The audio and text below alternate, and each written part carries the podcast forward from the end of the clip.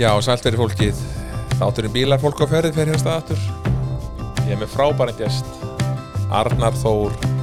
Hafþórsson.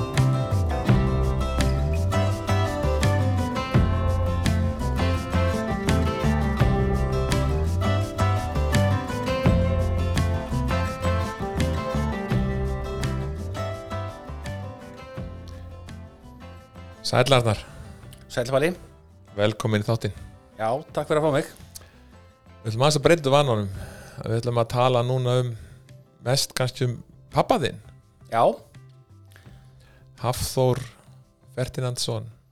Hveravallarskarpur já, Og við getum líka að tala eitthvað um þig, ég veit að þú er allir hvað að segja sjálfur svo sem sko já, bara að nóg að taka, tala um hann Já, ég og kannski verður þessi þáttu líka öðruvísi að þýlitum til að ég hef nú látið viðmælendur tala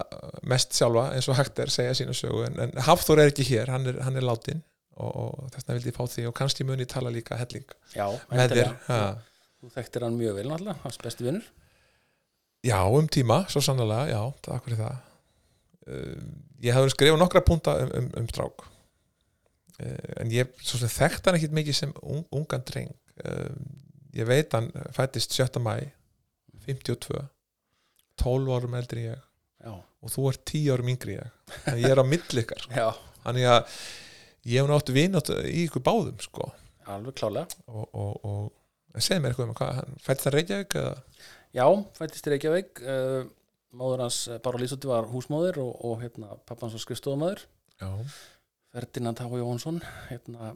starfið hjá Reykjavíkuborg, allir sinni efi Já, og hérna var yngstur, lang yngstur sinna sískina, hann var svona örverpið í hópnum, var hann Lillin? algjör lilli sko Já, já. hann bróðan hans átti sko barn sem var eldri en hann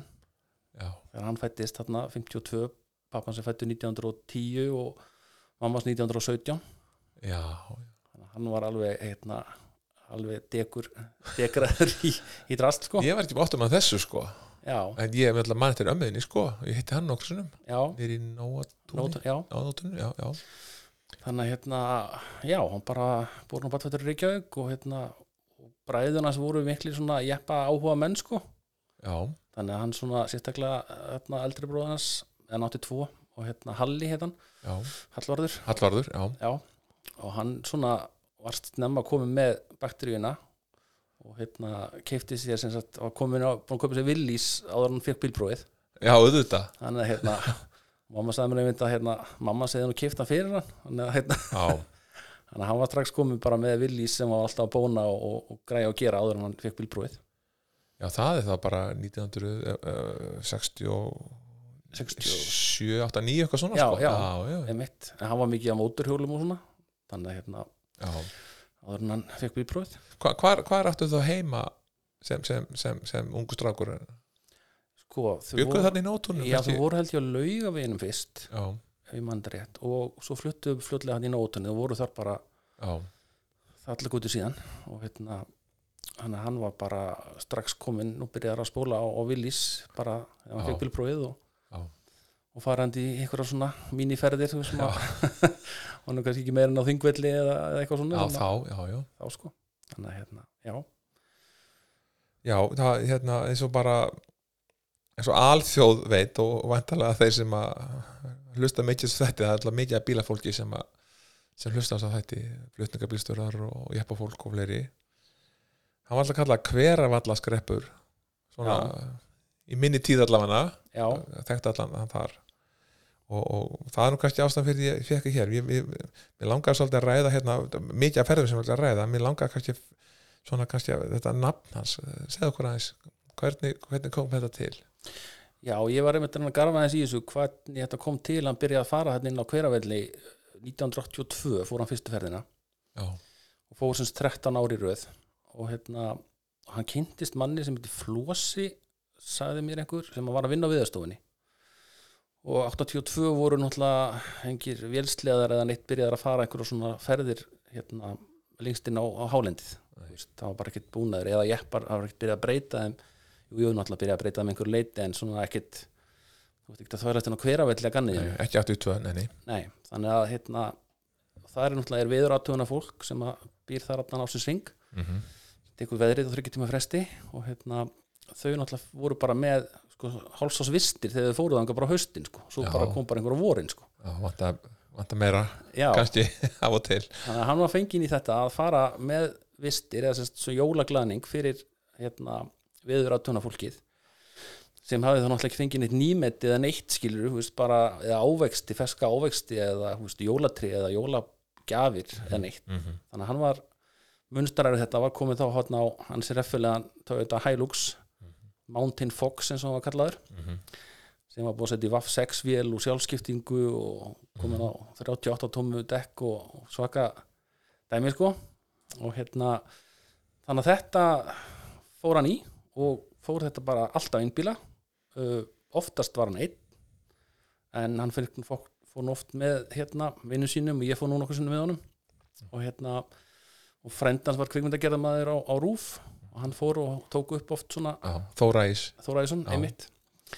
þannig að þetta voru náttúrulega svaðilfarir þú veist, bara einbíla, þetta er nú ekki þetta er 220 km frá Reykjavík Já, á hverja velli og 100 km eru svona á hálendi já, og þetta er nú ekki ekki auðveldast það kannski leiðin þó að sé nú ekki mikið ám sem að kannski geta verið frósprungnar en þá var alveg nóg að að fara yfir, sérstaklega þú ert einn já, já Hvað fórstu oft með honum þarna? fór fimm sinnum held ég Já, að verið, ég held ég að færi þrísar já Held ég, ég maður það ekki alveg, þetta rennur svolítið saman og svo náttúrulega lendi maður í eins og kannski þú líka, þú veist, maður, ég man eitt, eitt ferð það sem vorum 16 tíma bara stopp já, bara út af bíða. veðri Já, Nei, ég lendi ekki í því þannig að við vorum Ég man eftir um, veist, Hann náttúrulega hafði rosa gaman af því að og, og, þurfti að láta svolítið vita af því að hann var að fara að algjörlega, ringja á rás 1 og rás 2 og það var símtals kom kannski á fyrstaskvöldi að leiðin inn úr eða, eða hvernig vorum þólasmesskvöldi að hvað það var að, kannski ringt frá fréttastofunni, hvað ertu núna ég er að- réttur á bláfursáls eða við hvita á eða eitthvað staðar já, já, og ég var oft sendur út með vídeovélina já til að eiga vídeo af því sem að koma í hlað eða svona framhjá okkur í vörðu eða yfir ykkur skabl eða og þetta er áður en að menn eh, egnuðust GPS-tæki já, við vorum að, ég held ég fyrst getið fórum með honum þá var ekkert, þá var bara áttavitin að Lóra sé var en það kom aðeins setna, ég, í fyrsta Já. ferri sem ég fór með þá var ekkert lóran, Nei, Lór, svo fórum við með lóran síðan þarna eitthvað setna og ég man líka á með svona stílabók já, hvernig þetta rætt upp yttir fræmi okkur í steini og svo kom gyrðingin og keira svo veist, x langt í norður eftir hotni á gyrðingunni og beigja svo eitthvað í, í vestur sko já, þannig að þetta var, þessi var fyllt já, algjörlega en Það var- þetta gekk mjög vel, öll skitt sem ég var með honum þarna, þessar túrar, það var, þetta var svona skotfarið fram og tilbaka á kannski einhverjum frá gullósi uppbyttir og niður til kannski bara 60 tímar sko já það hefur verið, og þess að var var náttúrulega kom við nefni hver allar skreppur sko, Já. það var svona bara eins og var skreppin að hver allar væri já, svo var aðra skreppa bara, þú veist á þingvelli sko, já, já, þannig að hann bara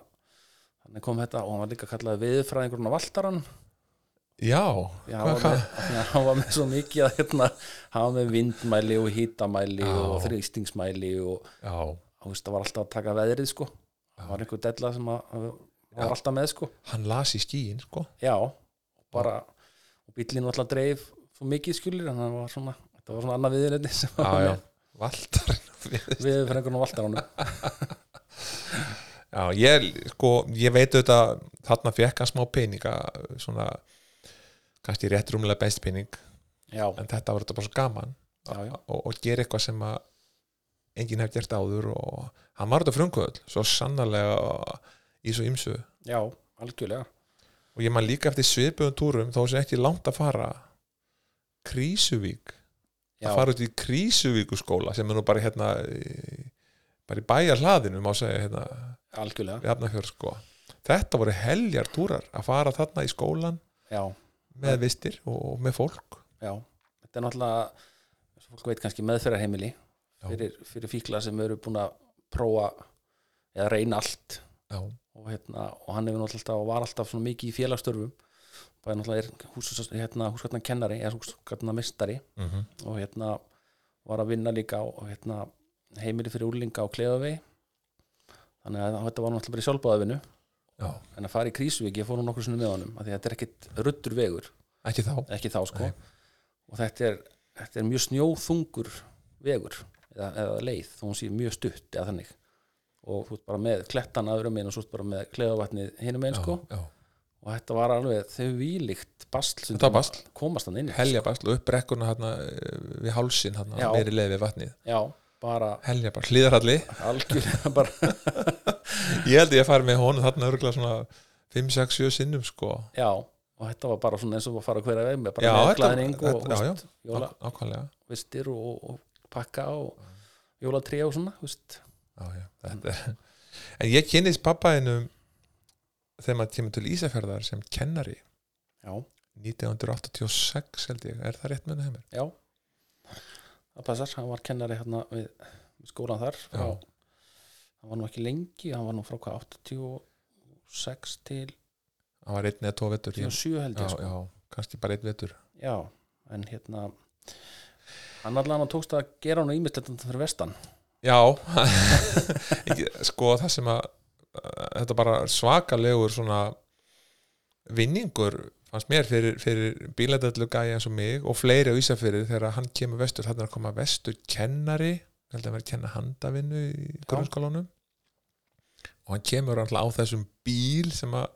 þjóðin þekkti mm -hmm. og þetta er bara gæi sem fór fyrstur við jökul tveim árum áður, eitthvað svona sko og bara, þetta er bara maðurinn, Já, þetta er bara svo sjúmæk að vera að flytja bara í, í þorpi sko einmitt og við flyktust alveg í kringum hann uh, við vinirnir mm sem höfðum áhuga á bílum og jeppum og trukkum og, og ég man þetta sko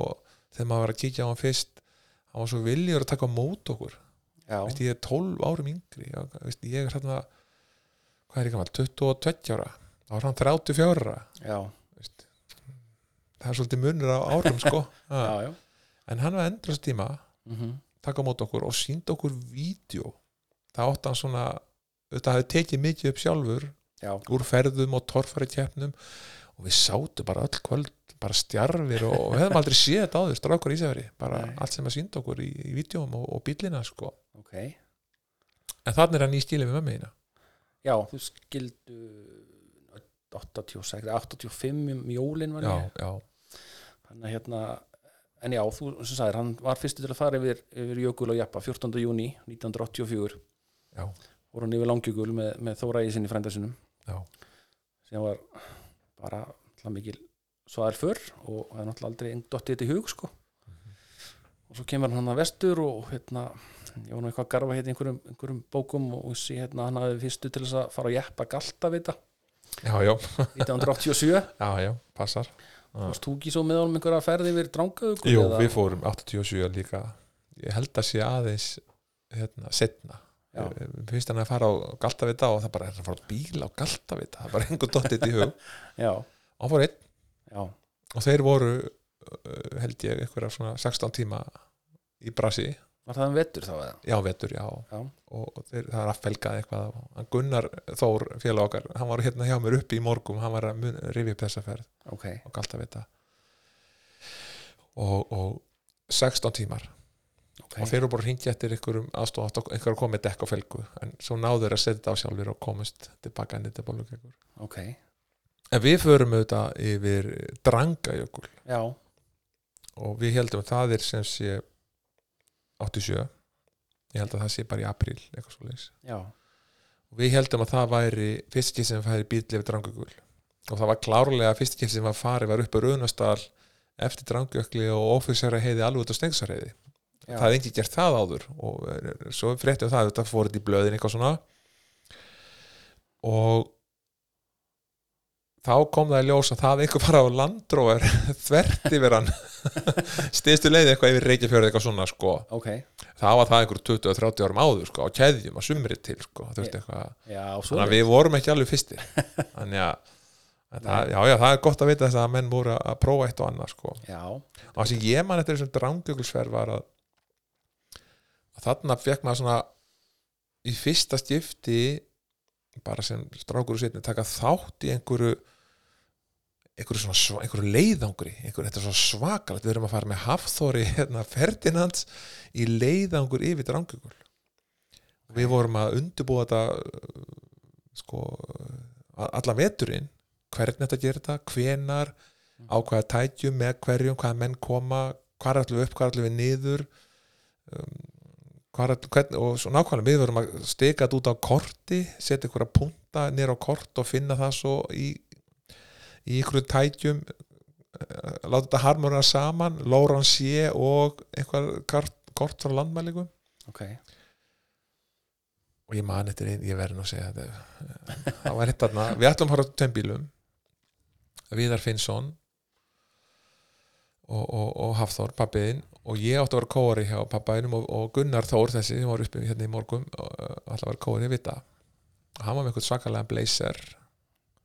og, og pappiðinn er þetta með bláan Toyota Land Cruiser held Já. ég, með alltaf öllusingunni margt jú, jú, á hliðinni, já, já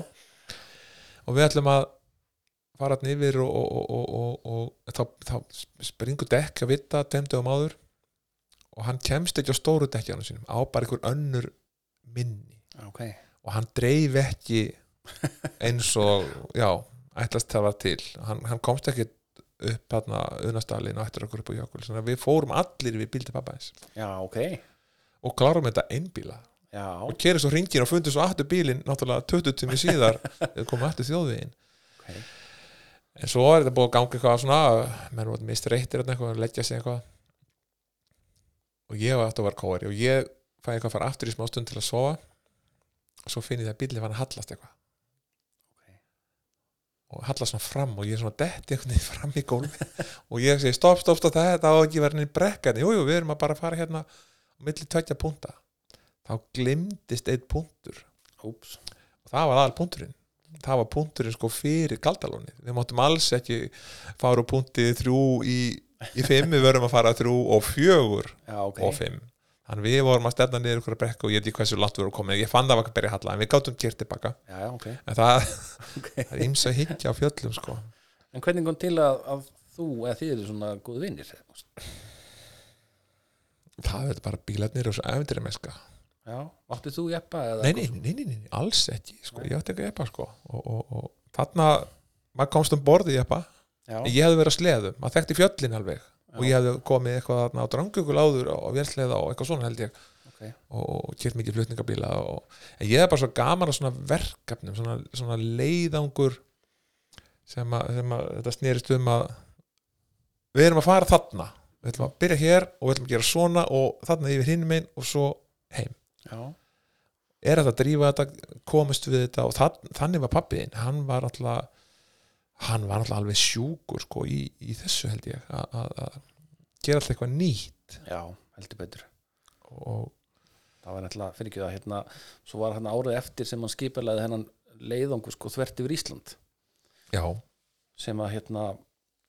allan að sem ég skilst að hafa verið í fyrsta skipti sem að var kyrt frá sem sagt önduranesi til Dalatanga já og gerð kvikmynd um Hvi- það. myndaleðangur, nákvæmlega, Já. þetta var svo stórt mál Þungskiða mestu en léttir til þegar líður tekur á daginn já, var hérna, var nafnið á henni. já, og ég, ég fekk hana, ég náði að hérna, tala við Jón Björgunsson sem að tók hana upp kvikmyndagera mann hjá Rúf já, og fekk eintaka af henni núna fyrir ekkert löngu síðan já, þetta er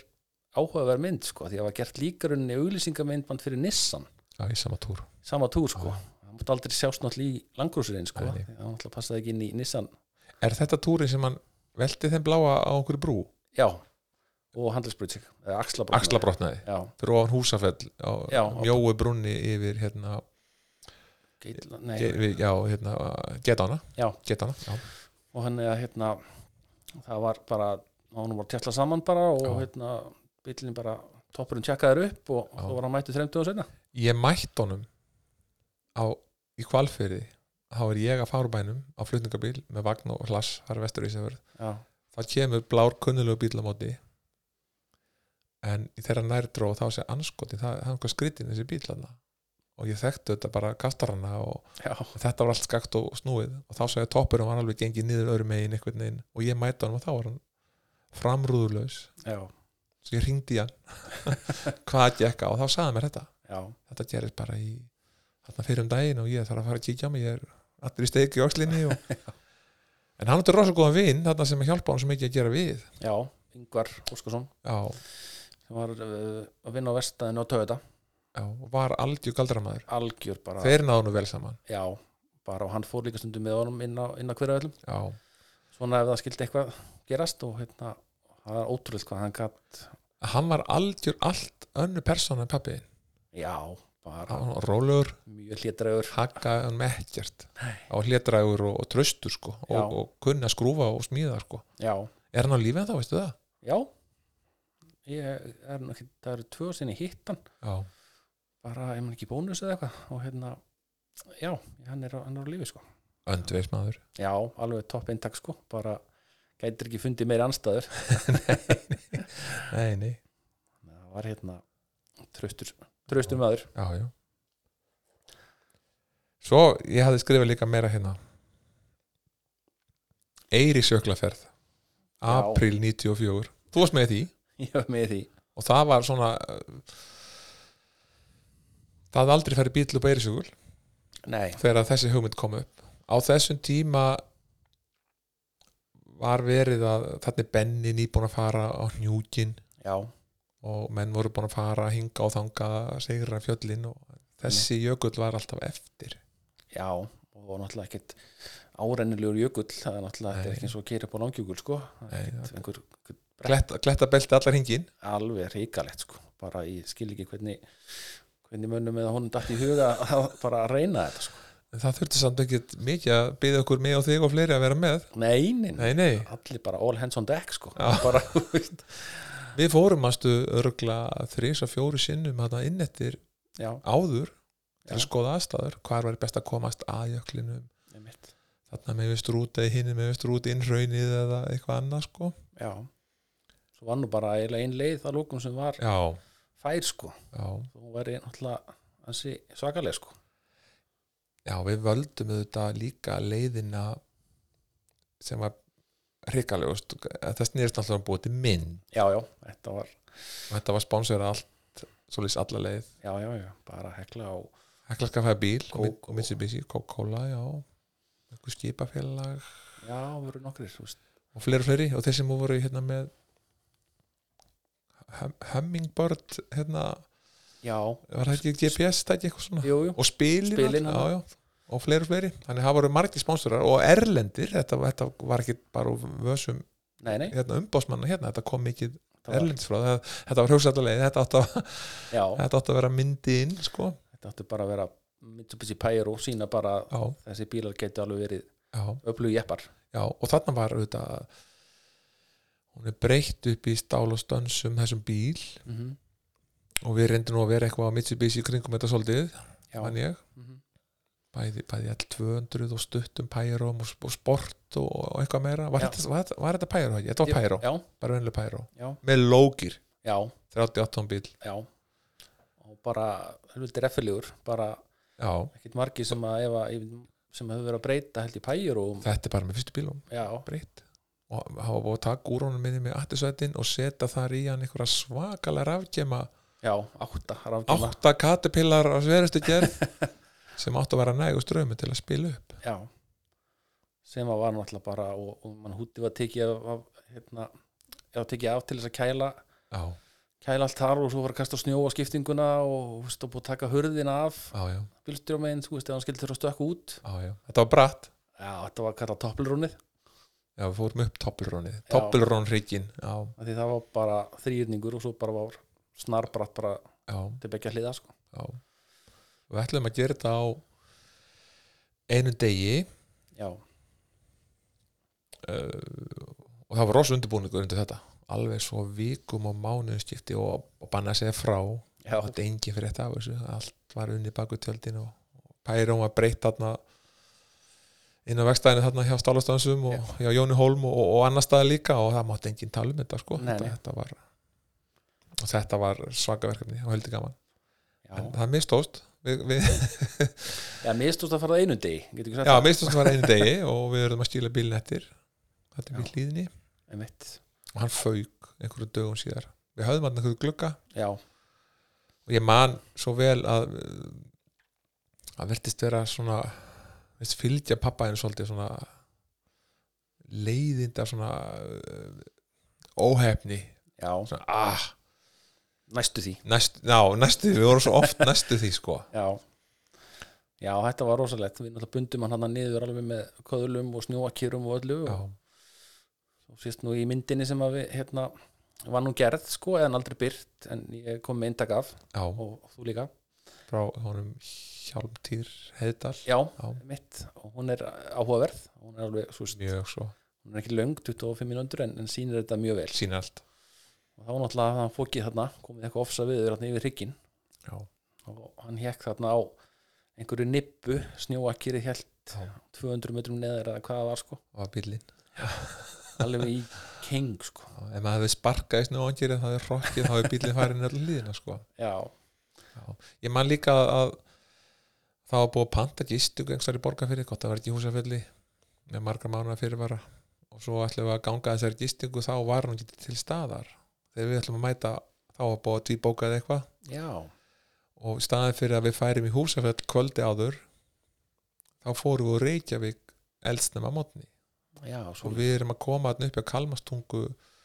held ég bara klukkan 11 að mótni í staðin fyrir að leggja stað þaðan klukkan 7-8 þannig að voru farnir þrý tímar já, af dagsljósi og góðum, góðum degi í, í, í þetta, þessa töf mhm, og svo var svo gaman að mynda þetta nýfrá það var eitthvað brasi þarna í fyrstu skoblónum upp brekkurnar þarna við Kalmastungu og það var eitt miklu púður í að mynda bílinn þar í einhverju aksjón mann ég, mhm,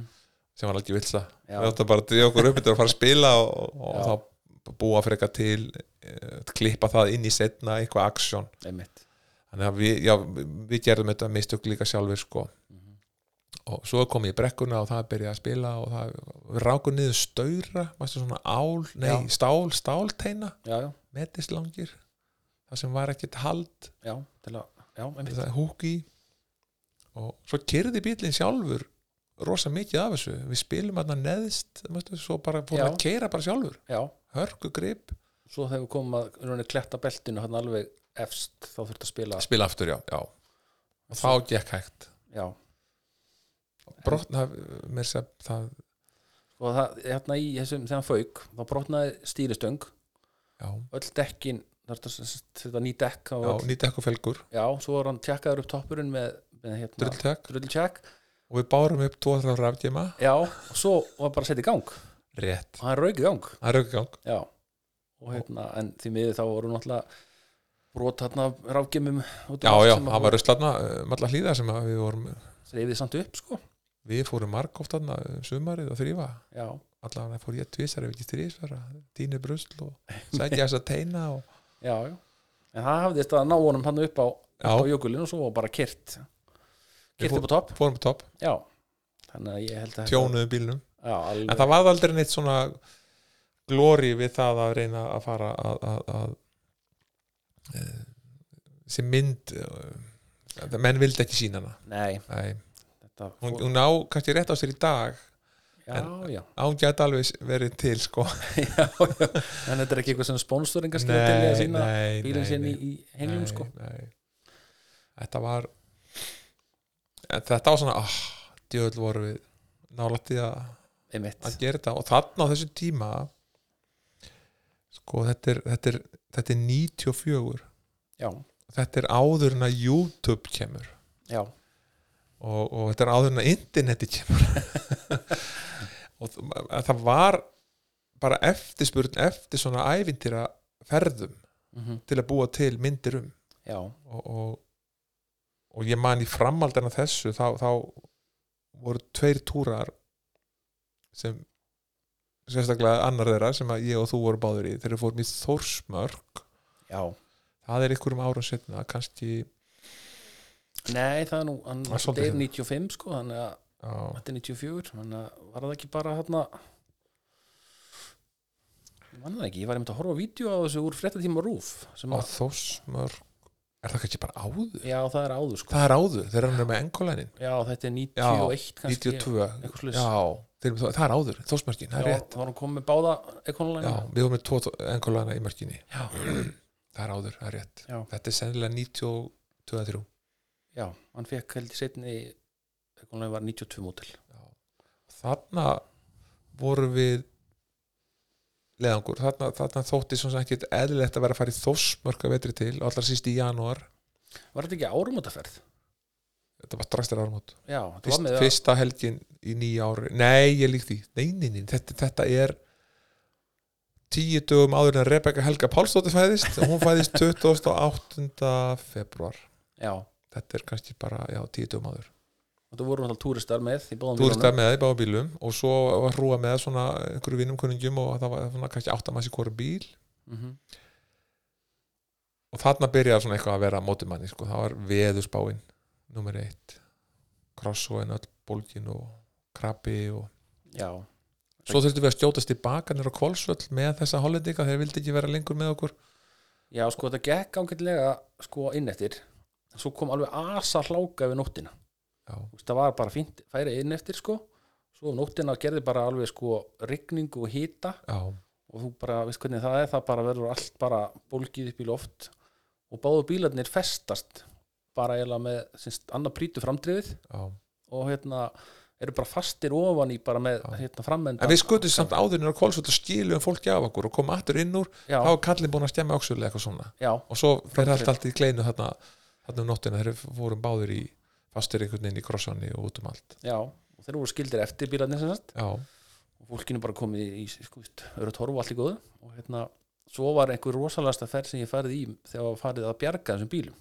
já það var enn erfæra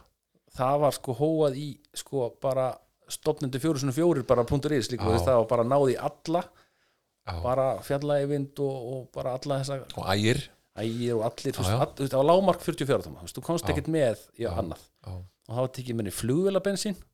sem var hægt að taka 107 oktan hérna á okkur bensinstuð hérna hjá Skeljung já, það voru margir að taka það fóru svona tíu bílar inn eftir bara sæ- með, sækja bílana já, og það var sko tekið dýnamít með, ég man það já, og þau fórum inn eftir og þá voru þeir náttúrulega bara frostnir ofan í, bara, þú veist, þá var náttúrulega komið hörkufrost já, og það þurfti bara að höggva þá upp bara með högum og bara þú veist, og það var alveg tilbúið að vera með dýnami til að sprengja það upp, það var það sko rosalegt og svo bara komu hérna alvöru menn sem að bara græju þetta, reynda var framdrifið farið þannig við gátum nú ekki gert við það það var frosið allt inn í lokunum já, þú veist, á öxlunum, þannig að það var ekki hægt að þannig að annar var framdrifislaus og ég kerði hann tilbaka og við náðum þeim semst upp og þetta var sko þvílíkur krabbi og ógið hann að leiðin inn eftir sko um það, þú veist, bara, en svo náðum við að hérna að keira tilbaka og þetta var, þú veist, maður tók þetta bara á ferðinni sko, ég var náttúrulega hérna bara til til óreindur hérna, já, varstu bara nýjum bílprófi eða? jú, ég var átjánara já, og hérna, og þú kerið annað bílinn niður úr já já, og bara, þú veist, menn voru að stinga sér bara á kaf og í, þú veist, til þess að húka í króka og Já. þeir menn alltaf festu sér alveg að hægri og vinstri, sko og þetta var, ég hef alltaf reynda óska eftir að hvort það vætti það var menn, menn voru að taka upp manni með videokamerum já, og mér var svo langar til þess að eiga já, þetta eitthvað ég finna eitthvað Já, þessu efni, þetta er nú aldrei svett okkur til að auðlýsita því vinsir að það hafi samband bara við okkur ef einhver á já, myndir eða vídeo úr þessari ferð, björgunaferð já, í Þósmörk eftir bílán tveimum sem skildi var eftir í februar Já. 93 já, ég get séð á, á fréttinni hjá Rúf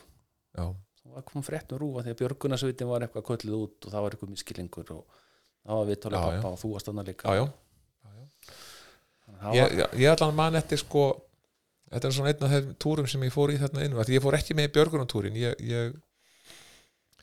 ég uh, var ekki upptekinn sko, ég komst ekki í það Já. en ég var svo sannarlega að gera hana bílinn þegar við skildum hann eftir já, og við fórum með valda výbon niður úr ok, en jú, það kom Björgunsveit var með frá Víkimýridal og Kolsvelli kom þarna stóra mannin sem var kett út um allt þarna á Vík þá, Já. svona einhvern fjara ásla mann ég man að Fúsi vinnu minn Vigfús Páll kom með í þeim bíl og og mjög ánur að sjá vinn sín, það var leið með hann en það sem að ég var kannski næst dauða mínu þarna, nú, já þú mást ekki þetta því eða nei Nei, þá er eitt ég segja þér það Þetta er- þetta er vettvangurinn í það Þegar að sem sé við erum að fara inn úr og kallinn svona þrjóskur aðeins og ég var búin að byggja hann um að fá að fara frekarinn í Bása hann vildi fara yfir í Langadal að því við áttum panta þar já, og hann var í ferðarfélag Íslands, hann var ekki útivist sko já, já þá mátti alls ekki sofa í skálanum jú- inn í básum og hann segði við erum að fara þarna en við gátum labba ángað það var eitthvað að labba án snjónum Mhm. og það var eitthvað búin að labba inn í skála í sjálfu sér en við vildum koma bílunum yfir já, eitthvað svona lengra nær Já, svo gengur svo illa og það er búin að le- leita að einhverju vaði og alltaf erum við að hálfur þá er ákveð að snúa við og það er á leiðinni tilbaka þegar, þegar hann fer hann að kafa bíli hjá mér og, og ný og hann affelgast og dekki fór af það fór bara í ána já, það var, það, það bara, það var bara á felgunni það er alveg ströymir á svo mikið og svo erum við að blika einhverju ljósum en þetta eru nóttin eitthvað klukka svona 2, 3, 4 erum við að basla þarna og við sáum alltaf ljósin yfir í básum og það var einhver út, maður sá að það var einhver það var fólk að fara út og að kviknu ljós og slöknu ljós og, ok, og þannig að við vissum ákveð þeir vita af okkur sko. þeir koma bara eftir, þá var maður bara rólegur og það var ekki langt á milli kannski einhver 2-3 km, 2 km kannski max 1,5 kannski, ég veit það ekki ok og ég svona held ég að veist, það var amma ekkert að okkur, það var ekki inn í hættu þarna í augnablikinu sko, Nei, nei. við sátum bara í bílunum og býða svo kom þetta fólk svolítið setna valdi Víbón og Kó og þá þá þetta var bú- þetta ræsa liðið og, og setja alltaf út í bíl og þrýfa skálan og komu svo alltaf að kipa í okkur og, og þá þurfti þessa stóra júnum okkur að kipa í okkur og það, ég kipti kipt í mig og bílinn yfir þarna gerum við mistök við hefðum átt að húka einhverju lítill bandspotta í bíli minn yfir í bíl hans pappa eins þegar hann var aðeins aftar en ég já, og það þótti sjálfbóliða til að fara yfir og sækja vírin eða band og húka í já, tengja hjá með gamla sko. og ég hleyp eitthvað aðeins upp fyrir og, og kemst yfir á, á, á snjóð þar og harfinni og, og að bílum pappaðinum og, og svo við draugum út allar spilvírin og b- bæti við einhverju smá bandi og þá kemst ég ekki sömuleið tilbaka það er ekki nóg langt bandið svo ég verið að fara svona á brúninni svona meter frá það sem ég var drein yfir og það var kannski ekki gáðlegt en, en það var innliðin ok, og svo er ég að fara að stað og ég pomp honi, nei, búms á bólakaf shit og ég sagði, díma, nú er ég döður já, og ég finn, ég sagði bara anskotin og þess vegna myndi ég þetta með hennar Rebekku Helgu Pálsdóttir, dóttir mína sko, sem að kona mér heima ofrisk já. og bara eiga þetta nokkra daga og ég hugsa bara dímaður það er að koma barn þetta nokkra daga og ég er að drepast hér þetta er alveg glötu staða sko. og ég hugsa, ég ætla ekki að flækja mig í þessu bandi hérna, og ég svona hendi fram í bandinu og výrnum eitthvað, allar að losna mig við það Mhm. þá var það þetta upp í ströyminn og það kom allt yfir mig, helst bandi og výrin og mér leist ekkert á þetta og ég fann hvernig vatni var að íta mér sko undir í sin og það var þess að díma ég, ég finnst bara í vor sko einhvers þar, bara nýr á með- örum sko já, miklu neðar sko, nýr, nýr við sjó og þetta leit ekkert vel út og þetta leit bara ríkalið út og fórstu alveg á kafið eða fórstu svona ég, bara fó, upp á- ég fór alveg á kaff, ég fór allur á ný og, og ég og ég finn að svona strömmir hann íta með svona inn í, inn í ykkur pípu sko, þá ég neða svo snú mér einhvern veginn við þá sé ég svona sjón sem ég vil helst ekki sjá aftur sko. þá sé ég hvernig vatnir rennur í íslögum auðvitað, fyrst um haustu kemur ykkur ís og svo kemur eitthvað af snjór og svo kemur ís og já, svo byrja vatnið að renna þegar það var svona mikið hláka, þetta fór bara um allt já, og það eru svona misstóra pípur sko. sum pípa var bara kannski bara 10-20 sendendra hérna, um, sverar og aðra kannski 50 og, og svona alls konar ok og ég fann bara, að ég, hefði verið, ég var hann að missa bara rassin inn í þetta sko, rétt áður og ég sagði dímaður að þá kveiki ég á einu það var hendin á mér ennþá uppi þá hafði ég verið með svona landmælika prigg já, sem held svona í miðin á já, og þá var það svo ankeri uppi á skörinni ok og, og þá kveit ég, ég nota bara hei, já, ég get tósa mig upp með hendinni og ég næði að stíga í þessi lög, já, þessi lög einhvern veginn sem tröppur og ég skýst upp og kem upp á og ég var svo fegin að koma ég fann samt aldrei fyrir því að ég var ekkert fann að súpa vatn eða ég var Nei. ekkert fann að vera eitthvað stressaður í tíma ég var eitthvað að drukna, ég var bara svo hrættum ég er að fara undir sko já, ég skil þig og ég hef svo mikið tíma til að hugsa þetta bara, hvað með kona mína og veist, vá, maður, og bönnin og hvað gerist núna og, og veit allt það, ég hef svo mikið tíma sko. ég finnst að þetta væri bara mínútu doni sko. Samt er en svo þetta bara- kom ég bara upp að þetta bara örfáar sekundur, bara örfáar þegar strákundi sá mig hverfa, búms og svo er ég bara komin upp aftur sko. ok, þannig að, já, það, það var þarna sko. þessna mann ég þessna túr mjög vel sko. já, ok svo skrýði ég einhvern veginn að bílnum og ég er í tveimu göllum ég er í galla sem að svona einhver skíðagalli og svona, svona þykkur svona galli og húsasmiðinu yfir sko. Mhm. og þetta var svo þungt, þetta var svo blöytt ég Já. gæti ekki stað upp ég var að klæða mig úr öllu fötan með lága bakkan já, og þeir hjálpu mér, Benni Ólafinn minn hafði hjálpað mér að hérna, klæða mig úr þessu og svo er mér kipt upp á gallan og ég var bara berrasaður þar sko já, átti ykkur þurrföt í bílnum, fór bara í þau og náði svona krafti strax aftur svo ætlum við að lifta þessum fötum upp í bílinn við loftuðum ekki, tveir Nei, þegar, þegar, þegar það er einn, loftaðum ekki ég var svo bennið að taka þau með mér í alvöginni og sem fulla vatni þannig ég er að ah, enninni sinni erum við einhverju bastltúr hérna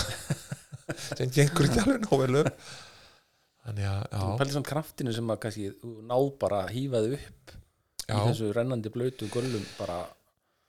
já þetta er eitthvað adrenalína svona Já. maður er alltaf ekki að drepa standa sko. nei, nein En þetta og selja sá svo stund sem ég hef verið næstu að mínu sko. það var hérna með pappaðinu sko. Shit Þannig að- Já, en við vorum ekki tættir Nei, næsti túr átti að vera Grænland já, mannstu því? já það var, var að byrja að skipa líka það alveg á full Það var Já. það var næsti túr sko það var næst túr Það var búið að kortleggja hann alls hvort leiðir upp og yfir og, og niður og mannstu hvað ég sagði það? Nei. ég sagði Hafþór ok, ég skal koma með þér yfir Grænland ekkert mál hann hafði ofur trú sko á sjálfur sér í, í, í, í, í þessu sko að að skip og náði peninga hann, hann hafði sem þessa svakalega flottu svona útgeislun Mhm. hann gætt bara sannfært alla um það bæði kostendur og og bílainnflytjendur og okkur strákan og fleirflega að þetta væri bara málið Já, og það veri allir með já, hann sannfærði Jónatan Mosveld um að gefa sér leifi já að keira yfir já. jökulinn það var komið skriflegt, það leifi Mhm. hann var komið samning við CNN Já, ok, hann var komið samning við SO í Norri ok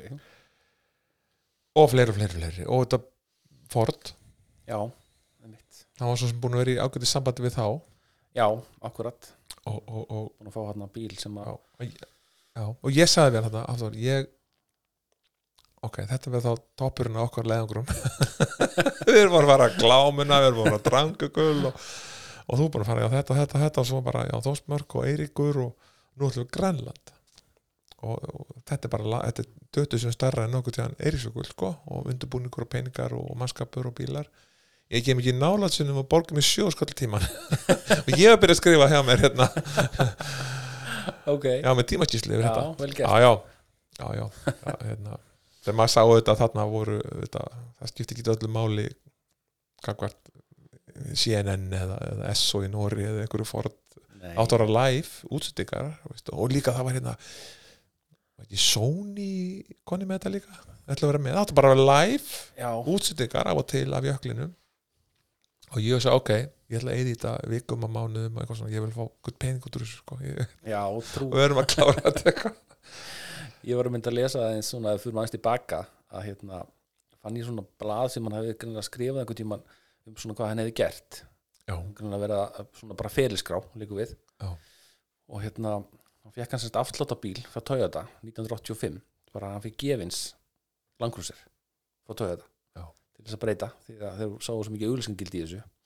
og þá sá ég líka hann hefði farið að heklu hvenær guðis heklu 84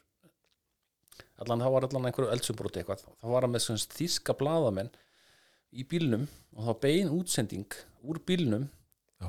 yfir til þískarnas og þá bein útsending í sem þísku út og þískir útastöð Já, þar sem að mennirnir, hérna þísku blaðamennu voru að lýsa því sem Já, að fyrir augu bar eldgóðsunu sem að er alltaf bara eitthvað sem að 84 var kannski svolítið undan sínum tíma sko Þetta er vantilega bíli sem kemur á vestur þá, þetta blái, hann var á, eða var það brúni brúni kannski setna, getur verið en allan að svo sá ég líka að, að hérna ég var með svona tösku sem að hérna ég með alls konar svona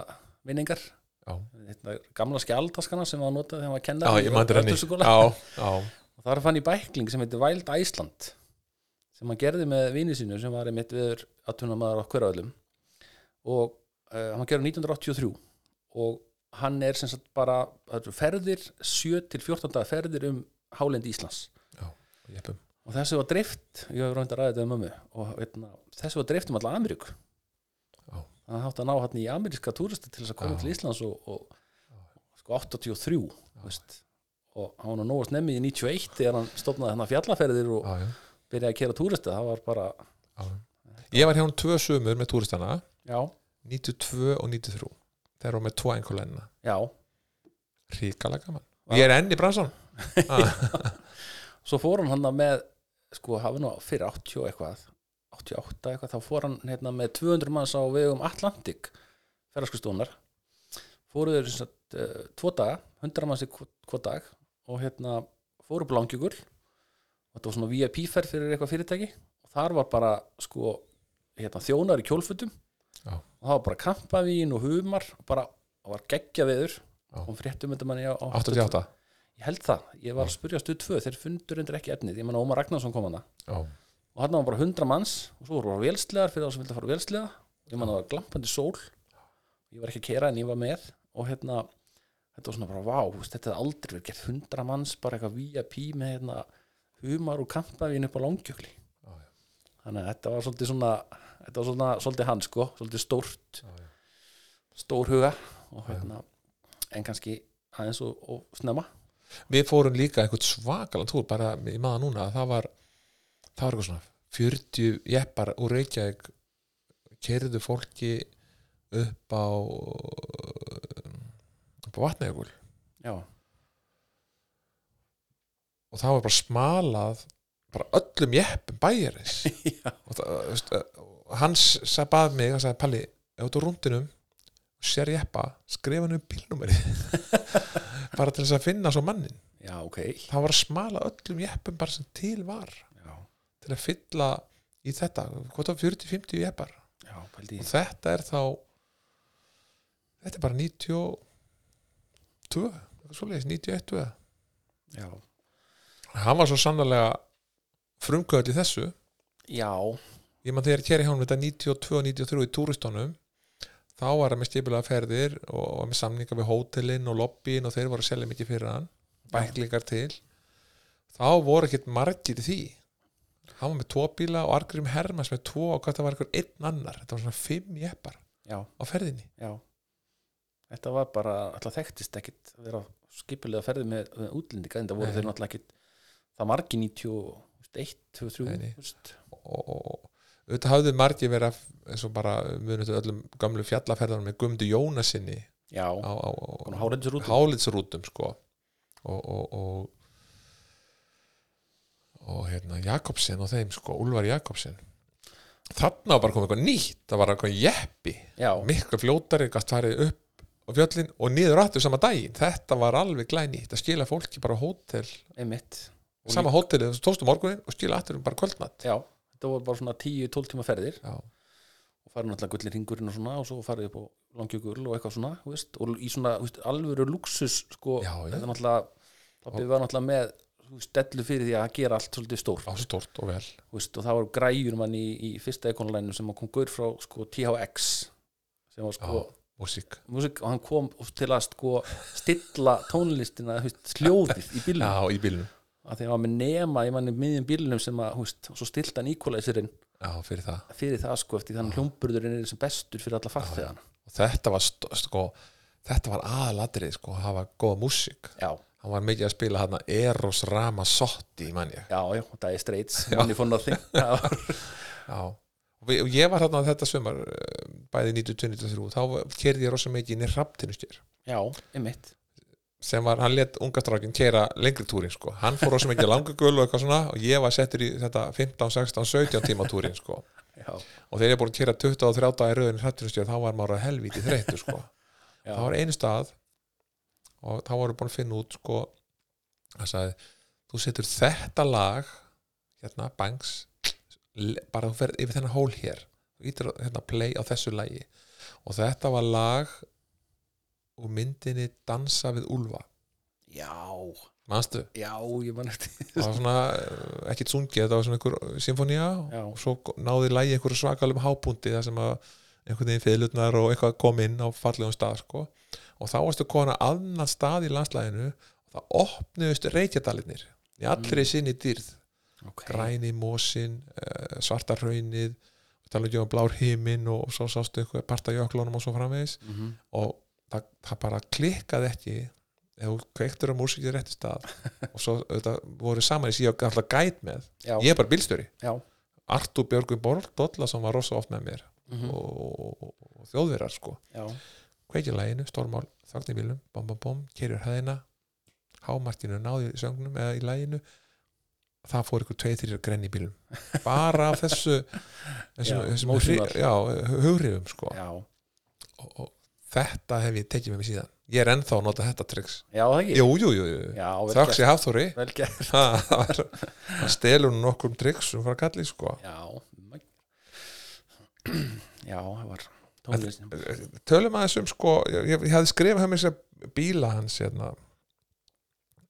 þessi þessi þessi fyrsti hælug sem að fór á yfir langjökul já, og með, með Þór fredæðinum hann var kallað minkurinn eitthvað svo leis Mountain Fox Mountain Fox, já, Já. já, passar fekk hann þann bíl alveg splunkun í hann já, sko, það var þannig að þau seldu íbúð sem þau áttu í Dalsili mamma og pabbi já, og þá var verðbólgan búin að geta upp lánin eða, eða hérna overtröð eða veist, allan að það var allt í einu skulduð ekki neitt já, já, og bara seldu íbúin á hellingspenning og byrjuðu hérna fór að byggja hús í klefasili og hérna máttu hann einhvern pening og í staðan fyrir að setja meiri pening í það að bara byggja húsi og klára það þá bara, sagði bara, nei, kaupi bara jeppa, Já. kipti bara Toyota og Hilux, rauðan bara tveggjaðra og hérna, bara single cup já, já, Já. ég menna númerið á hann var S 1991 Já. og hérna svo var bara farið það að breyta honum og hann fekk hérna yngvar og yngvar og svo svona í Toyota og, og Guðmund, hvað svona var hann hann var líka vinn í Toyota Já. þeir fengu svona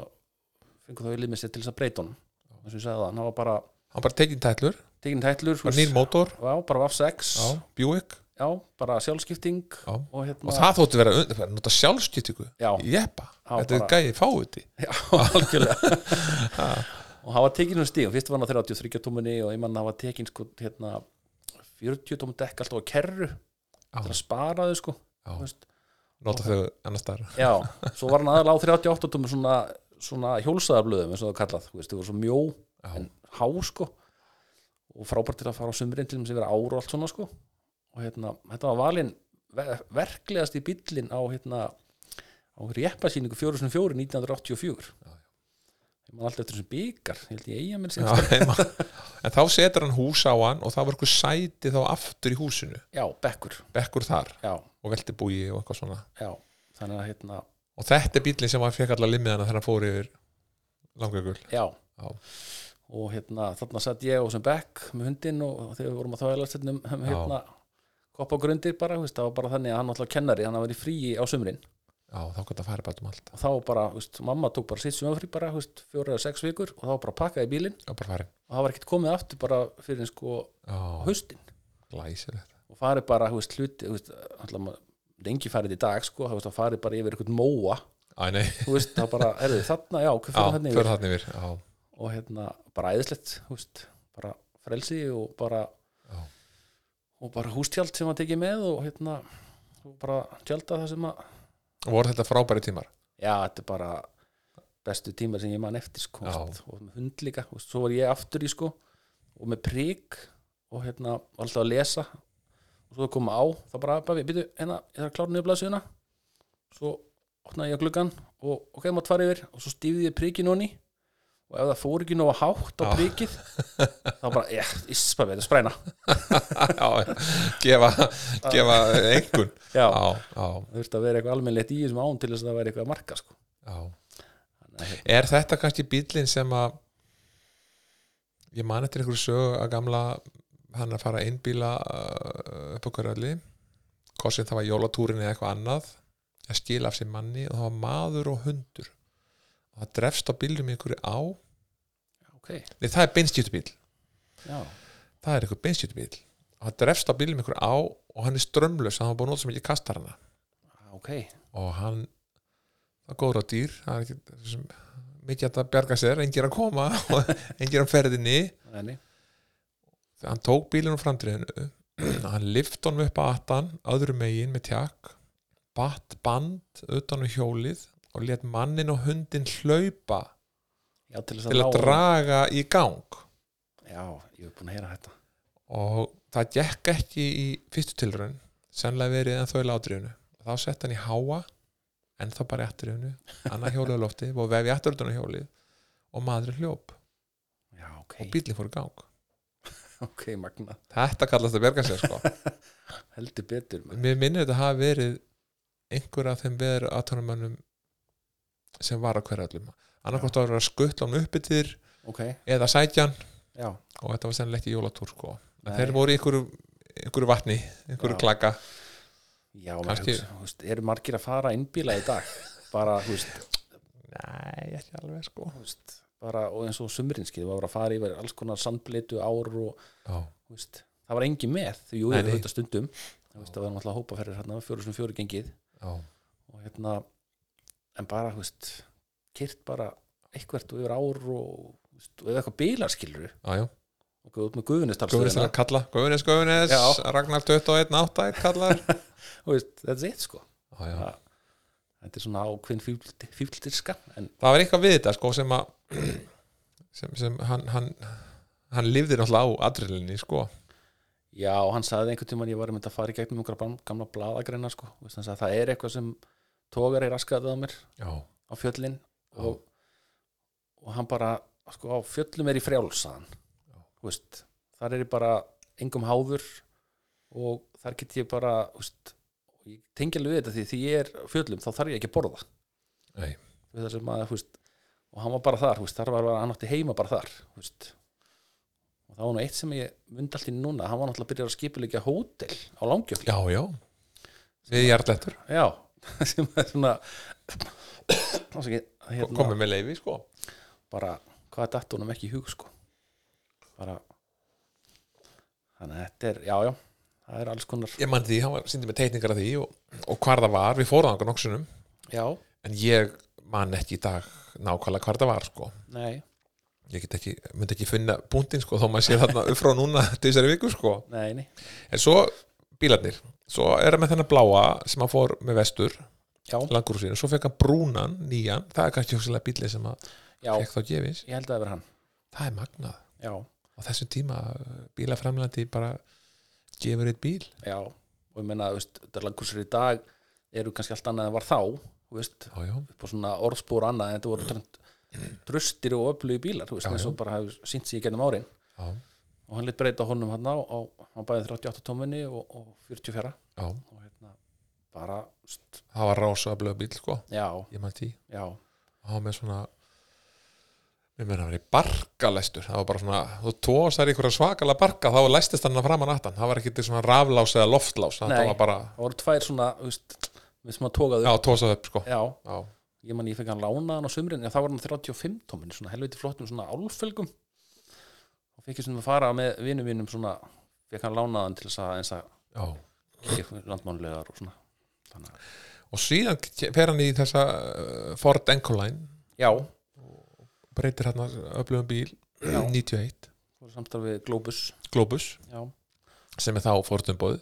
já, það er mitt er það rétt hjá með muna að hann, hann búið einhver ringferð um Ísland með bílinn já, gott ef ekki, með, á vegum Globus til að Já, sína hann sko já. það var, sínarunni, það var, það var Ford hérna, Ranger og hérna, 150 og þetta var svona bíla síning já, og hann fór með það náttúrulega til þess að menn sæju hvað var hægt að gera með svona já, standard ekonulinn mér finnst líka eins og á svipum tíma hafið komið hérna Bigfoot, kom ekki Bigfoot til Íslands einhvern tímann? það er hérna, var hann komið í því þá? sko ég veit að ég var að finna mynd í gær sem stál og stansar byrtu Já, ég googlaði eitthvað og þá er mynd á honum og hann stendur á hvítum stórum stöðum Bigfoot á hliðin á hann já, en ég man ekki, ég rámar þetta ég þarf að tala við Jón Hólm um þetta já, Jón þarf bara komið þáttinn já, þetta er betur þannig að eitthvað hefur hann verið í samstarfi við þá já. og svo eignast hann aftur þetta árið setna þegar hann er að gera út tvo bíla þetta er 92 og 93 þegar ég er að kera hjá honum já, þá þá, er það nýja útlitið af, af, af, af hérna, Encoline já, og ég óskaplega var maður stoltur að akka um bæinn og fjöllinu þessum bíl já, rosa flottir maður og, og, og, mér var svo magnað sko að, að ég skildi að fá tækifæri sko Veist, Já. það var örgulega til fullt að færi mönnum uh, að keirum hálindið í eppa fyrir ég, ég hef aldrei átt í eppa nei, nei, ég bara hafði aldrei allir þegar ég eppa sem ég hef kert voru bara eppa til hans sko má segja já, ég, hann náttúrulega bara tristi þér þú veist, hann tristi þér að þú myndi gera þetta vel eins og þú hefur nú heldur betur sínt sig og ég reyni mitt besta Þú veist, þannig að þú þú ætti ekki að vera bestur að keira á fjöllum ef þú ert leðlugur og hérna, Æ, nei, nei, maður þarf að vera líka skemmtilegur já, og veistu, ég held að hann hafi bara vita það að þú myndir delivera þú veist, Já, til kunnana ef svo má segja, þú veist, að það var þetta eða þeir eru að borga allir spenning fyrir þetta já, já það er ekki nú bara eitthvað að hleypa úr og keira hring hann sko hann hafði með þessa svakalegu útgislun sko hann, hann, hann, fólk bara elskaði hann já, og hann, það er alveg það bara fólk sogaðist að honum sko, maður sá það líka kannski, ég veit ekki hvað megi tala um það hér sko, í þess að, að, að, að hann sá þetta sko fljótt skvísuna í bílnum sem, að, já, já, sem var hugulega og jafnvel einleip hann bara var búin að spotta hana bara alveg hvernig og hún hann sko, já, já, já já, það er bara það var einhver svona segull já, já, að, já, sem að enginn getur útskýrt sko, þú veist, sem er bara eru með þetta já hann var auðvitað kvensamur já, já, bara hlýtt ekkit tækifæri úr hendi sleppa nei, nei, nei. hann sagði nú reynda við mig oftar en einu sinni oftar en tvistar hann sagði ég gerir mestu mistöku í lífi mínu var að skilja við með mína sko já, hann hefur sagt heyrður það að segja þetta? já, já, já, þannig að það er Hann- náttúrulega- hann- hann við ekki um það, hann gerir mistök þar sko hann við þetta fekk eitthvað gráfyrring og, og fóra eldast já, við stelpur sko út og suður já, já, já, það er bara svona eins og já, kemur fyrir á bestu bæm, sérstaklega ef, að- ef að þetta dregst að þér eða, þú veist, sem að segja, þú já, veist já og það er nú kannski tvo til líka, þetta er ekki alltaf bara annað veginn sko nei, nei, aldrei, og, alltaf og, tvær hliðar já, já, já, já, hann svona elsku kallinn hann, hann bíladöllu kall og ég hef Já. skrifað kvensamur já, og svo hef ég skrifað líka brennivín já, já, hann, hann það var svona, að þvælast fyrir honum já, skemmtaði sér honum já, bara allan sæfi held ég sko, já, bara, ég forðast hann þegar já, að- ef maður var kannski óvart í á brotvegi eitthvað stað maður fór að balla eitthvað og svo sá maður hann þá sagði, hei, hei, Kristi mín, við, við skulum við fara sko. ég, ég tristi mér ekki að vera nei, innan mann fullan sko. Nei. eins dásamlegur hann var já, edru sko og ég algjörlega sko, ég gerði í því bara að vera innan mann já, þegar, þegar allt var í fjöri sko og í, allt líki blóma sko algjörlega en, en vínið fór, fór illa í hann já, þetta var bara annar maður, já, Þú veist, já, ég hann sammála bara- því, svarti maðurinn eins og ég stundum kalla það, sammála því hann var eitthvað stopnað þetta ferðarklúpi sem fjóri sem fjórir já hann var gjaldkeri Já. og í stjórnum margar já, þeir komu þarna að þessu að að berjast fyrir því að að það væri hægt að fá skoðun á breyttum bílum Já. breyttum jeppum, við erum búin að tala um það einmitt í þessu þáttum, ég er búin að hitta nokkra úr jeppabransanum já, og, og nafn hans hefur heldur betur verið nefnt nokkru sinnum í þessu þáttum fram að þessu, já, þannig að hann var framsýtt í því já og ég held að jeppamenn eiga honum mikið að þakka sko að hérna, já, ég heldur hafi verið þarna mann, nokkur þarna mjög öflugir sem bara sko lifðu fyrir þetta, þú veist, Já. þetta var bara þeirra ástriða já, og þú veist, þegar þú fært svoleiðis menn saman í hóp þá geta þeir bara fært fjöll bóttalega já, já og náttúrulega ekki auðvelt að standi því á þessum tíma sko ég held að, já, já svo kemur þetta, hann missur þessa bíla þessa tvo eh, diesel einhverlæn, þeir voru einhverju eh, kauplegu eða já, 15? 15, það, það, það get, reksturinn gekk út ekkit upp að vera að gera það út sex vikur á ári sko Nei. þetta var bara júli og ágúst já, því miður þá og, bara, og, og, og reyna að gera tvo bíla og, og þeim að skilað inn Já. hvort það var ekki hvað hétt, þetta hétt Lind fjö- fjárfestingar leigu miðlunin Lind, eitthvað svona og Já. þetta sóttuður bílan, það var ekki borgaðið mér halda ára eða hvað það var og, já, og um, svo eignast hann síðusti bíli sem var með, það var Ford England bensibíl, man ég já ég man eftir því að hann var náttúrulega ekki nýr Nei, og hérna hann var óbreyttur sko og ég manna við vorum á einhverjum gatnamótum það var svona áður en hann fór í breytingu það var rosa vel í þessu sko og hann fór um spinn Já. einhvern BMW og hérna,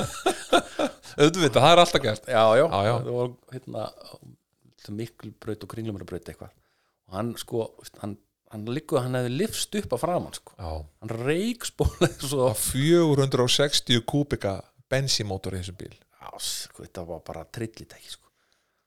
en hann var gerður mjög flottur Já, mjög þökk sé Jóni Holm í stálastansum já, Jón einhvern veginn reyndist pappaðinn um alltaf rosalega vel já, og ég manni Jón saði við mig sko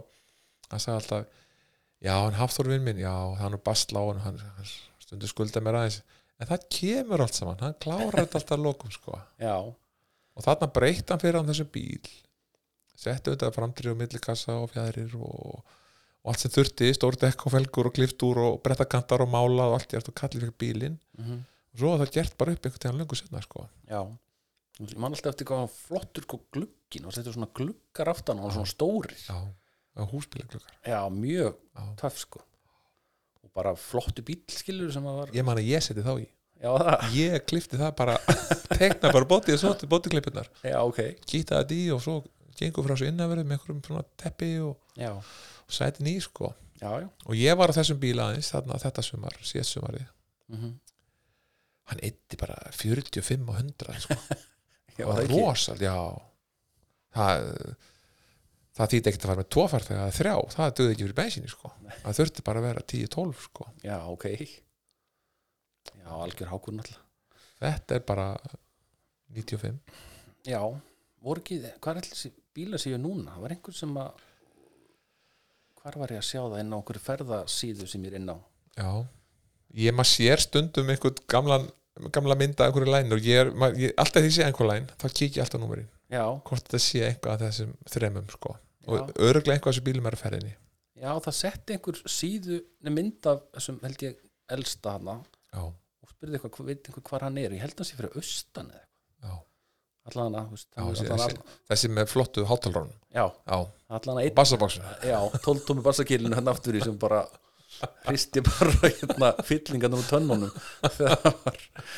setið Já. bort sko. Þannig að já, þeir eru vonandi ennþá einhver starf já, já, þetta, vo- þetta voru mikli bílar mikli, mikli bílar en svo kallinn, elsku kallinn hann, hann yfirgöf gefur okkur svo, þarna 7. november Já. 95, 95, þá var einhvern veginn komið með bakið upp að vegg við það sko, já, elsku kallinn ég man að skrifa þeir einhvern tímann til mín, hann skrifaði um bréf og svona, eða hérna að þó ég væri, það var eitthvað orðað svona þó ég væri smiður, hann alltaf var húskarnasmiður þó ég væri smiður þá hef ég ekki getað smíðað mína gæfu í lífinu mm veist, að því hver er svona gæfu smiður þá hefur hann, hefði hann ekki náð að smíða smíða sína gæfu þráttur að vera smiður þannig að það var svona já, ég held að vera blanda af ýmsum, ýmsum atriðum sem að, já, sem að já það, það, sko þarna var ég búin að vera með hann svolítið í fanginu sko, þarna einhverja vikur og mánuð undan sko, hann, hann uh, maður sá alveg hann átt erfitt sko, já, já, fjárhastlega bjóði bílskur, já má segja kostnarsputin hérna og var með einhverja aðra íbústundum og leigu og, það, og svo vittist að vera upp hjá honum þarna einhverja vikunar á undan og maður sá alveg nú er bara allt upplið aftur sko þá bjóð hann í einhverju annari hæð upp einhverju risið, ekki svo langt frá manstu, hérna, Já, í Kópavoginum. kópóinum já, ég meni því, og hann ringir í mig þarna kvöldið áður og hann tekur sér þetta í líf og segir uh, hvort ég vilja hjálpa sér sko, þessu. að hann sé að skupa bíla eitthvað vill skrifa undir, ok skrifa undir lán eitthvað, vísil eitthvað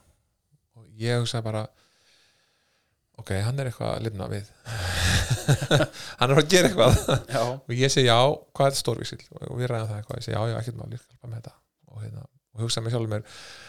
ég get allan að borga hann vísil ég hef efn á því ef að illa fer sko. Já. og, og svo uh, ringi hann eitthvað í mig og, og, og, og segir eitthvað sem svo getur hitt mig nei, ge- getur, getur kíkt svo á mig í fyrramáli segir eitthvað svona, þarna maður að hafa með bílasíman alltaf, já, þetta er áður að koma gemsar já, já hann var með bíla síman og svona ómar rakk hljópum allt með eitthvað svona móbyrja tólkmann eða eitthvað einmitt, og stórt batteri eftir sér og hann ringir eitthvað og segir Palli, já, getur hitt mér í fyrramáli já, getur komað sótt bref í fyrramáli sér. og ég segi, já, hvað stendur til ég hérna að þetta er bara bref sem það er að koma á þig og hérna, þú bara kemur þessu við mig og kemur þessu til skila hérna, og, og ég segi, hvað hva, hva stendur til og, og hann segir eitthvað svona ég er nefnilega, kemst ekki, ég er, ég er að fara í fjöllin já, ég er búin að segja að sjóða ekki á þér Jú, já, jú. já. ég er að fara í fjöllin og ég sé hvað það fara ég er að fara í fjöllin í kvöld og hver er með þér ég er bara að fara í fjöllin Já.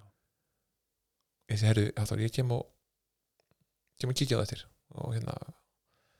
kom svo ekki, það var allt einhvern veginn á móti mér hérna setjupættan kvöldið og kemst ekki svo ég fer hérna morgun eftir hendilas hann íbúðina og þá auðvitað, finnum við mhm, brefin sem hann er búin að gera til okkar, já, til, mömmu- til ömmuðinar Mhm. og mín og þín og þá var kallinn farinn sko elsku kallinn, þá var hann ákveð að taka sitt leiði líf já ég var einmitt á leiðinu til hans líka þannig kvöldið varst þú? já, en það var eitthvað sem að ég fór ekki Já, Það var, ég var að fara með þáfærandi kæristunni og, og bara eh, eitthvað, eitthvað sem sagði manna já, ekki ekki, ekki þetta tíminn neini en það var sama hér, það var ég, ég var bara leiðin út þarna bara hálfótta sko en þá kom tengda fólkdar alltaf heimsókn og bara uh, að vestan og svo bara voru þau til tíðlega um kvöldi og sagði, "Æ, ég fyrir fermáli Mhm. en ég hugsaði þetta sko, ég held ég að sagti frúna já, já, nú er hefða minn ykkur reysinni hann sko, þannig að ég kíkja á hann í fermáli já, en það hefði sem verið alltaf verið sent sko, því að mér skilt að það hefði nú gerst fyrir kvöldmatt já, þannig að, já, já, þetta er þetta fór eins og það fór já, elsku kallinn mikið óskaplega hugsa oft til hans sko já, og, og ég get sagt þér eitt að því við vorum miklu vinnir og við náðum rosa vel saman uh, við rifumst ekki mikið en ég skammaði hann rosa mikið þegar við vorum að fara upp toppelrónreikin upp í Eirisjökul hann var svo upptekinn að vera að tala í síman og tala við alla blaðamenn að hann var að fara hann upp og Já. ég vildi taka á hann síman og sér þú tala ekki meir í síma, þú ætti búið að eða þetta hálftíma, eða þetta, þú var haldur nú að kjátti þú var að keira, eða kondur út úr bílnum og talaði síman og ég skal keira já, það mátti heldur ekki, nei, nei það var sko hvað þetta var verið að taka mynd og og, myndir já, já, og svo hérna, einhvern tíma hingja tíma ég kem til hans og, og þá er hann eitthvað mjög langt niður í og það hann svona gekk og ymsu og, og ég var ekki að reyður þess að hætta ringi mig þetta kall eh, þú veist, í svona ástandi og, og bara eh, hérna, látt mig bara í frið ég reyna við og ég reyður ekki eitthvað heim hann var kon heim og eftir mig bara strax eftir fimm mínútur alveg bara Já. bara með afsökunar og að hafa komið í þess aðstæðu sko Ok. en mikið óskaplega hugsa oft til hans og Já. bara í, í svo mörgu og sérstaklega á fjöllum og ég gera það ennþá þetta í dag og ég er kannski að fara með túrista fjöllin eða við erum að fara eitthvað saman við strákarnir eða eitthvað og ég segi og það er leðendaveður það er bara djöfusitt leðendaveður sem anskotast djöfusitt ákveður getum við ekki haft gott viður ég er að koma með fólkið í fjöllin núna sem er búið að hlaka til alveg í viku að komast einnig upp og það við sjáum ekki metir og það er bara skafrinningur það er ekki sinni, viðst, sjáum ekki neitt og þá segir ég stundu upp átt anskotin Hafþór, getur ekki skaffa okkur gott veður hérna og það er svo oft sem að gerist að ég fæ bara gott veður þetta er hálftíma, ok, þannig að við erum enn tengdir sko já hann er með einhver ítökan upp upp og veðrið að gera já, veðurfræðingurinn já og, og, og já, hann hérna, heldur hann hafa haft áhrif á, á mjög marga sko. Já, og hann ég ætla að segja eitt yfirbót sko, bara svona einn saga frá mér það var, ég fór í svona miðilfund já, það er svona kannski hálfu ári eftir hann deyr eitthvað svona einu ári kannski ok, og mér fannst alltaf eitthvað svona að vera að hverfa heima ef við fundum ekki eitthvað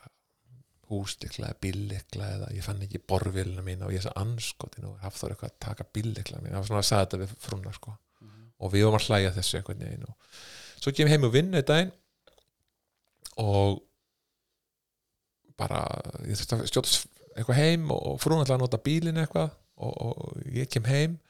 hún er ekki alveg klár og, og, og þetta heim við Írabakka og, og ég kastaði fram með liklónum eitthvað og á stofuborðið og ég sest í sófan og gríp einhvern mokka og frúin ætlaði eitthvað að stjóðast út og þá finnum við ekki hérna, bílleklan og hún er hann eitthvað sein og hún sem ég rétti svo hleypur út bara bílu sko. og bílina þá bara fyrir utan heima og ég var að koma heim til að láta hann hafa bílinn sko. ok svo hún leipur út og ég var eitthvað eftir í börnunum eitthvað og svona og þetta er bara þriðið dag klukkan hálf fimm eða eitthvað og ég ok, fletta bara mokkanum þá sé ég það í þessu mokka já, þrem eða sex mánuð setna eftir að kallin, kallin jarðaður þá er minningrein já, um hann í mokkan Ok. ég les þessi minnigrein og þá var það einhver vinkonars uh, hún hérna Ragnhild Ragnhildur Heiður, já, sem var með okkur á Eirisjökli já, að hún skrifa minningagrein um hann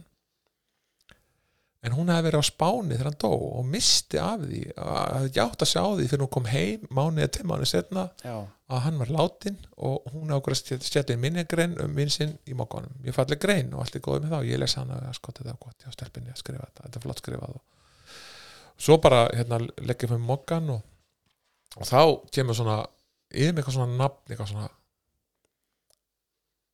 Margrét Hafstistóttir og ég er svo hvað, hvað djöfull hvað, hvað er nú, þessi kona hétt ekkert Margrét Hafstistóttir og svo fyrir að leita sko, nei, nei, nei, nei Ragnar er eitthvað sko já, og, og svo leikur fyrir mokkan aftur og, og ennþá er nafnið Margrét Hafstisdóttir svo ég verið eitthvað pyrraður, ég fyrir að fletta mokkanum þá til ég finn þetta nafn já, og ég finn nafnið, ok þá er það akkurat sko það sem myndin var að pappaðinum já, hinum einu á síðinni að bakvið er auðlýsing bara sálaraksandarfélag Íslands nei, og þar segir hef aftur haf, hafið störf hjá Sálarðinsfélag Íslands eða Reykjavíkur eitthvað vinsalegast pandi tíma í síma kveðja Margrét Hafstistóttir í alvörinni í alvörinni já svo að ég er svona hver anskotin ha, nú er kallina, hvað, er- hvað er nú hvað er verið að kalla á mig að fund, hvað er að gerast hvað, hvað bullir þetta sko ok, og ég þá er þessi ágæta kona Margrét Hafstóttir, þá er hún dóttir Hafsteins miðils, ég vissi það ekki ok Nei, ekki, nei, bara, Nei. en hvað gerir maður? Ég tók upp, upp síman já, og ringi bara þannig klukkan orðin bara kortir í vimmi eða eitthvað sko. ok, Ég tek upp síman og ringi bara strax nýrðir og þar svarar einhver á stjórnbórun ég góðan daginn, sálarsinlega, já góðan daginn getið panta tíma hjá Margréti Hafsinsdóttur þetta er alveg bara, ég er bara svona þetta er, þetta er, þetta er, ég get- fæ engan tíma til að undirbúa þetta ég bara ringi, já, kynni mig ekki það er- veit enginn er að koma og hún segi já ögna blík og svo eftir smáttum segi já það er laust eftir þrjá manni getur þú komið hérna ok ég segi ég hef enga tíma til að byrja til þrjá mánu Já. ég, mér finnst ég að vera hjá sér konu núna Já. hvað segir þú? já, það er eitthvað sem segir mér að ég hitsa konu bara núna, ég get ekkert beðið Eh, ögna blík uh, hvar ertu? ég segi ég er bara við byrjaði alltið getur þú komið á korteri? já, ég kem, verður blessu, skellt á bóms, skellti bara á ok, en fattum leið ég er bíllaus en hvað er þá? er það ekki líklarnir bara á sama stað á stofuborðinu nei jú, jú þá ég horfði bara á það og sagði, við sáum ekki sér líkla á hann sko svona enn að þvæla hann sko svo ég stökk og hleyp út og gargar svo bara börnin mamma hlýtur að koma á eftir, ég er farin, bæ og nýritir, beintnir, næ nýritir á þessu korteri stökkinn móðurblásandi það er bara mjög, og mjög svona veist, í hvað er að fara, veist, hvað, hvað er að enda svona vill sko já, og ég kem inn og, og, hún, hérna, og ég borga bara einhvern átt á skall eitthvað bara í kassmóni ég ætla sko ekki að skilja eftir debikortið mitt það veit ég engi viti hvað ég hét sko. Nei. ég kemur bara inn já, sem maður sem ringdi fyrir korteri já, hann borgaði kassmóni og ég setst bara í stóli hjá hverju konu já okay. bara stólar og sittum í hérna já, svo kemur þessi ágæta kona og kynni sig og, og, og hún segir eitthvað svona kondu, kondu, kondu sæl ég heiti Margrét, já sæl þú heitir, já eitthvað segir rétti ég ætla ekki að segja neitt sko. nei Já, hefur komið áður? Nei Trúur á svona? Nei Já, hver ertu hérna þá? Mér finnst ég að vera hérna Nú, já, ég skal segja það líka á eftir Getum við byrjað? Ég, ég vil bara byrja Mhm. svo klárum við þetta, svo er þetta bara búið og ég, hérna þetta, þetta er mjög skrýtið Já. Og sér ekkert máli, kannski gerist ekki neitt Það er bara best, það er albest ef það gerist ekki neitt Já. Þú getur bara að fara heim og er bara ánæður svo sest hún og svo sest, hún lýsir þessu eitthvað, ég fekk ekki eitthvað trans já, já, ekki mál ég skal bara sitja hér og vera rólegur mm. er þetta kett ekki fæði bara í trans bara á þreymur sekundum ok, og byrjar og segir ég er kon ungu maður já þetta er nú vinnið þinn já er hann hefur tekið stegi líf já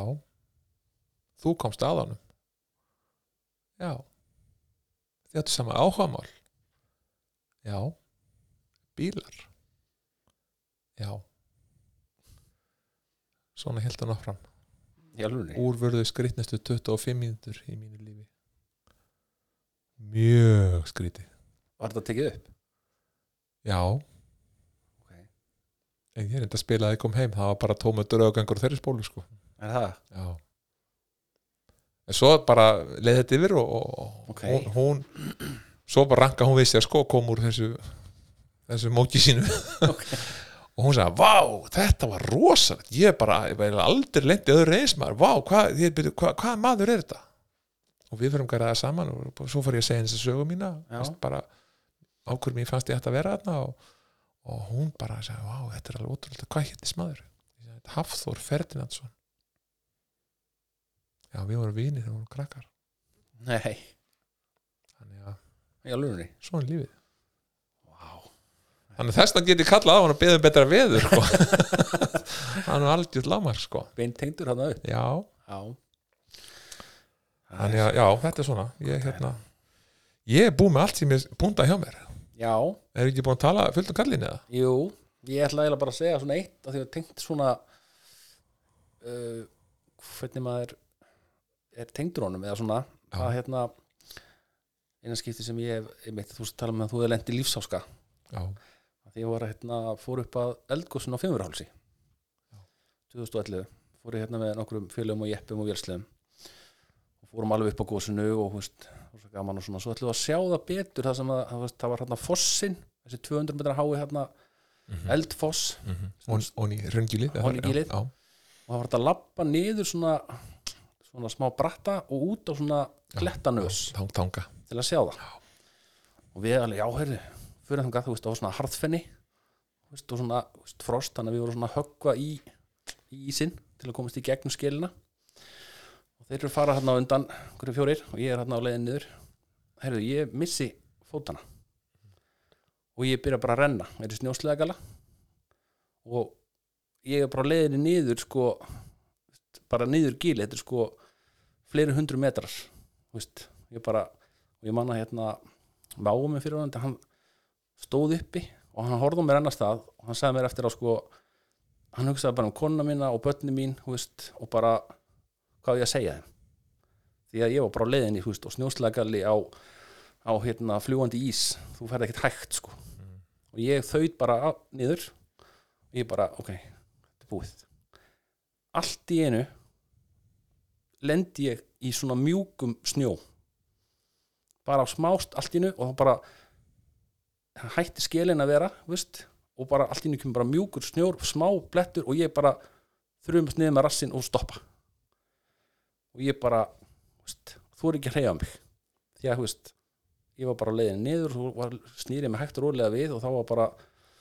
einhverjir 50-70 metra upp sko og ég bara á ég að býða hérna hann til að búa að ringja björgunarsveit þú veist, og bara bjarga mér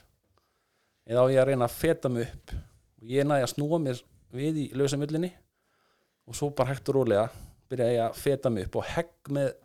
skungaskónum, þú veist, ég gegnum bara í ísinn og ég man að tætnar að maður voru í klessu þegar ég var komin upp að ég fór svo, þú veist, ég dundraði svo mikið inn í getnum hérna harðfennið, sko og komst upp og þá bara, þú veist, það, það greip einhver í mig hann Mhm. það tók einhver í Mhm. í gallan eða passaði að það væri snjóran og ég fæ alveg sko, ég fæ bara í maga núna því ég er að hugsa um þetta mm -hmm. og lýsi þessu, ég var alveg svona bara þetta er bara ótrúlegt sko. þannig að það var einhver að að Einhver hjálpa til já, heldur betur maður Það er gott að eiga góða sko já, ha, Já. Ég hugsa um hann sko já, heldur betur sko og maður líka, verður að hugsa um þá líka Arnar, Þór Hafþórsson Sónu Hafþórs Ferdinands Takk fyrir spjallið takk sem leiðis, Þetta var jólahátturinn Gleðilega hátturinn, takk fyrir að koma takk sem leiðis, takk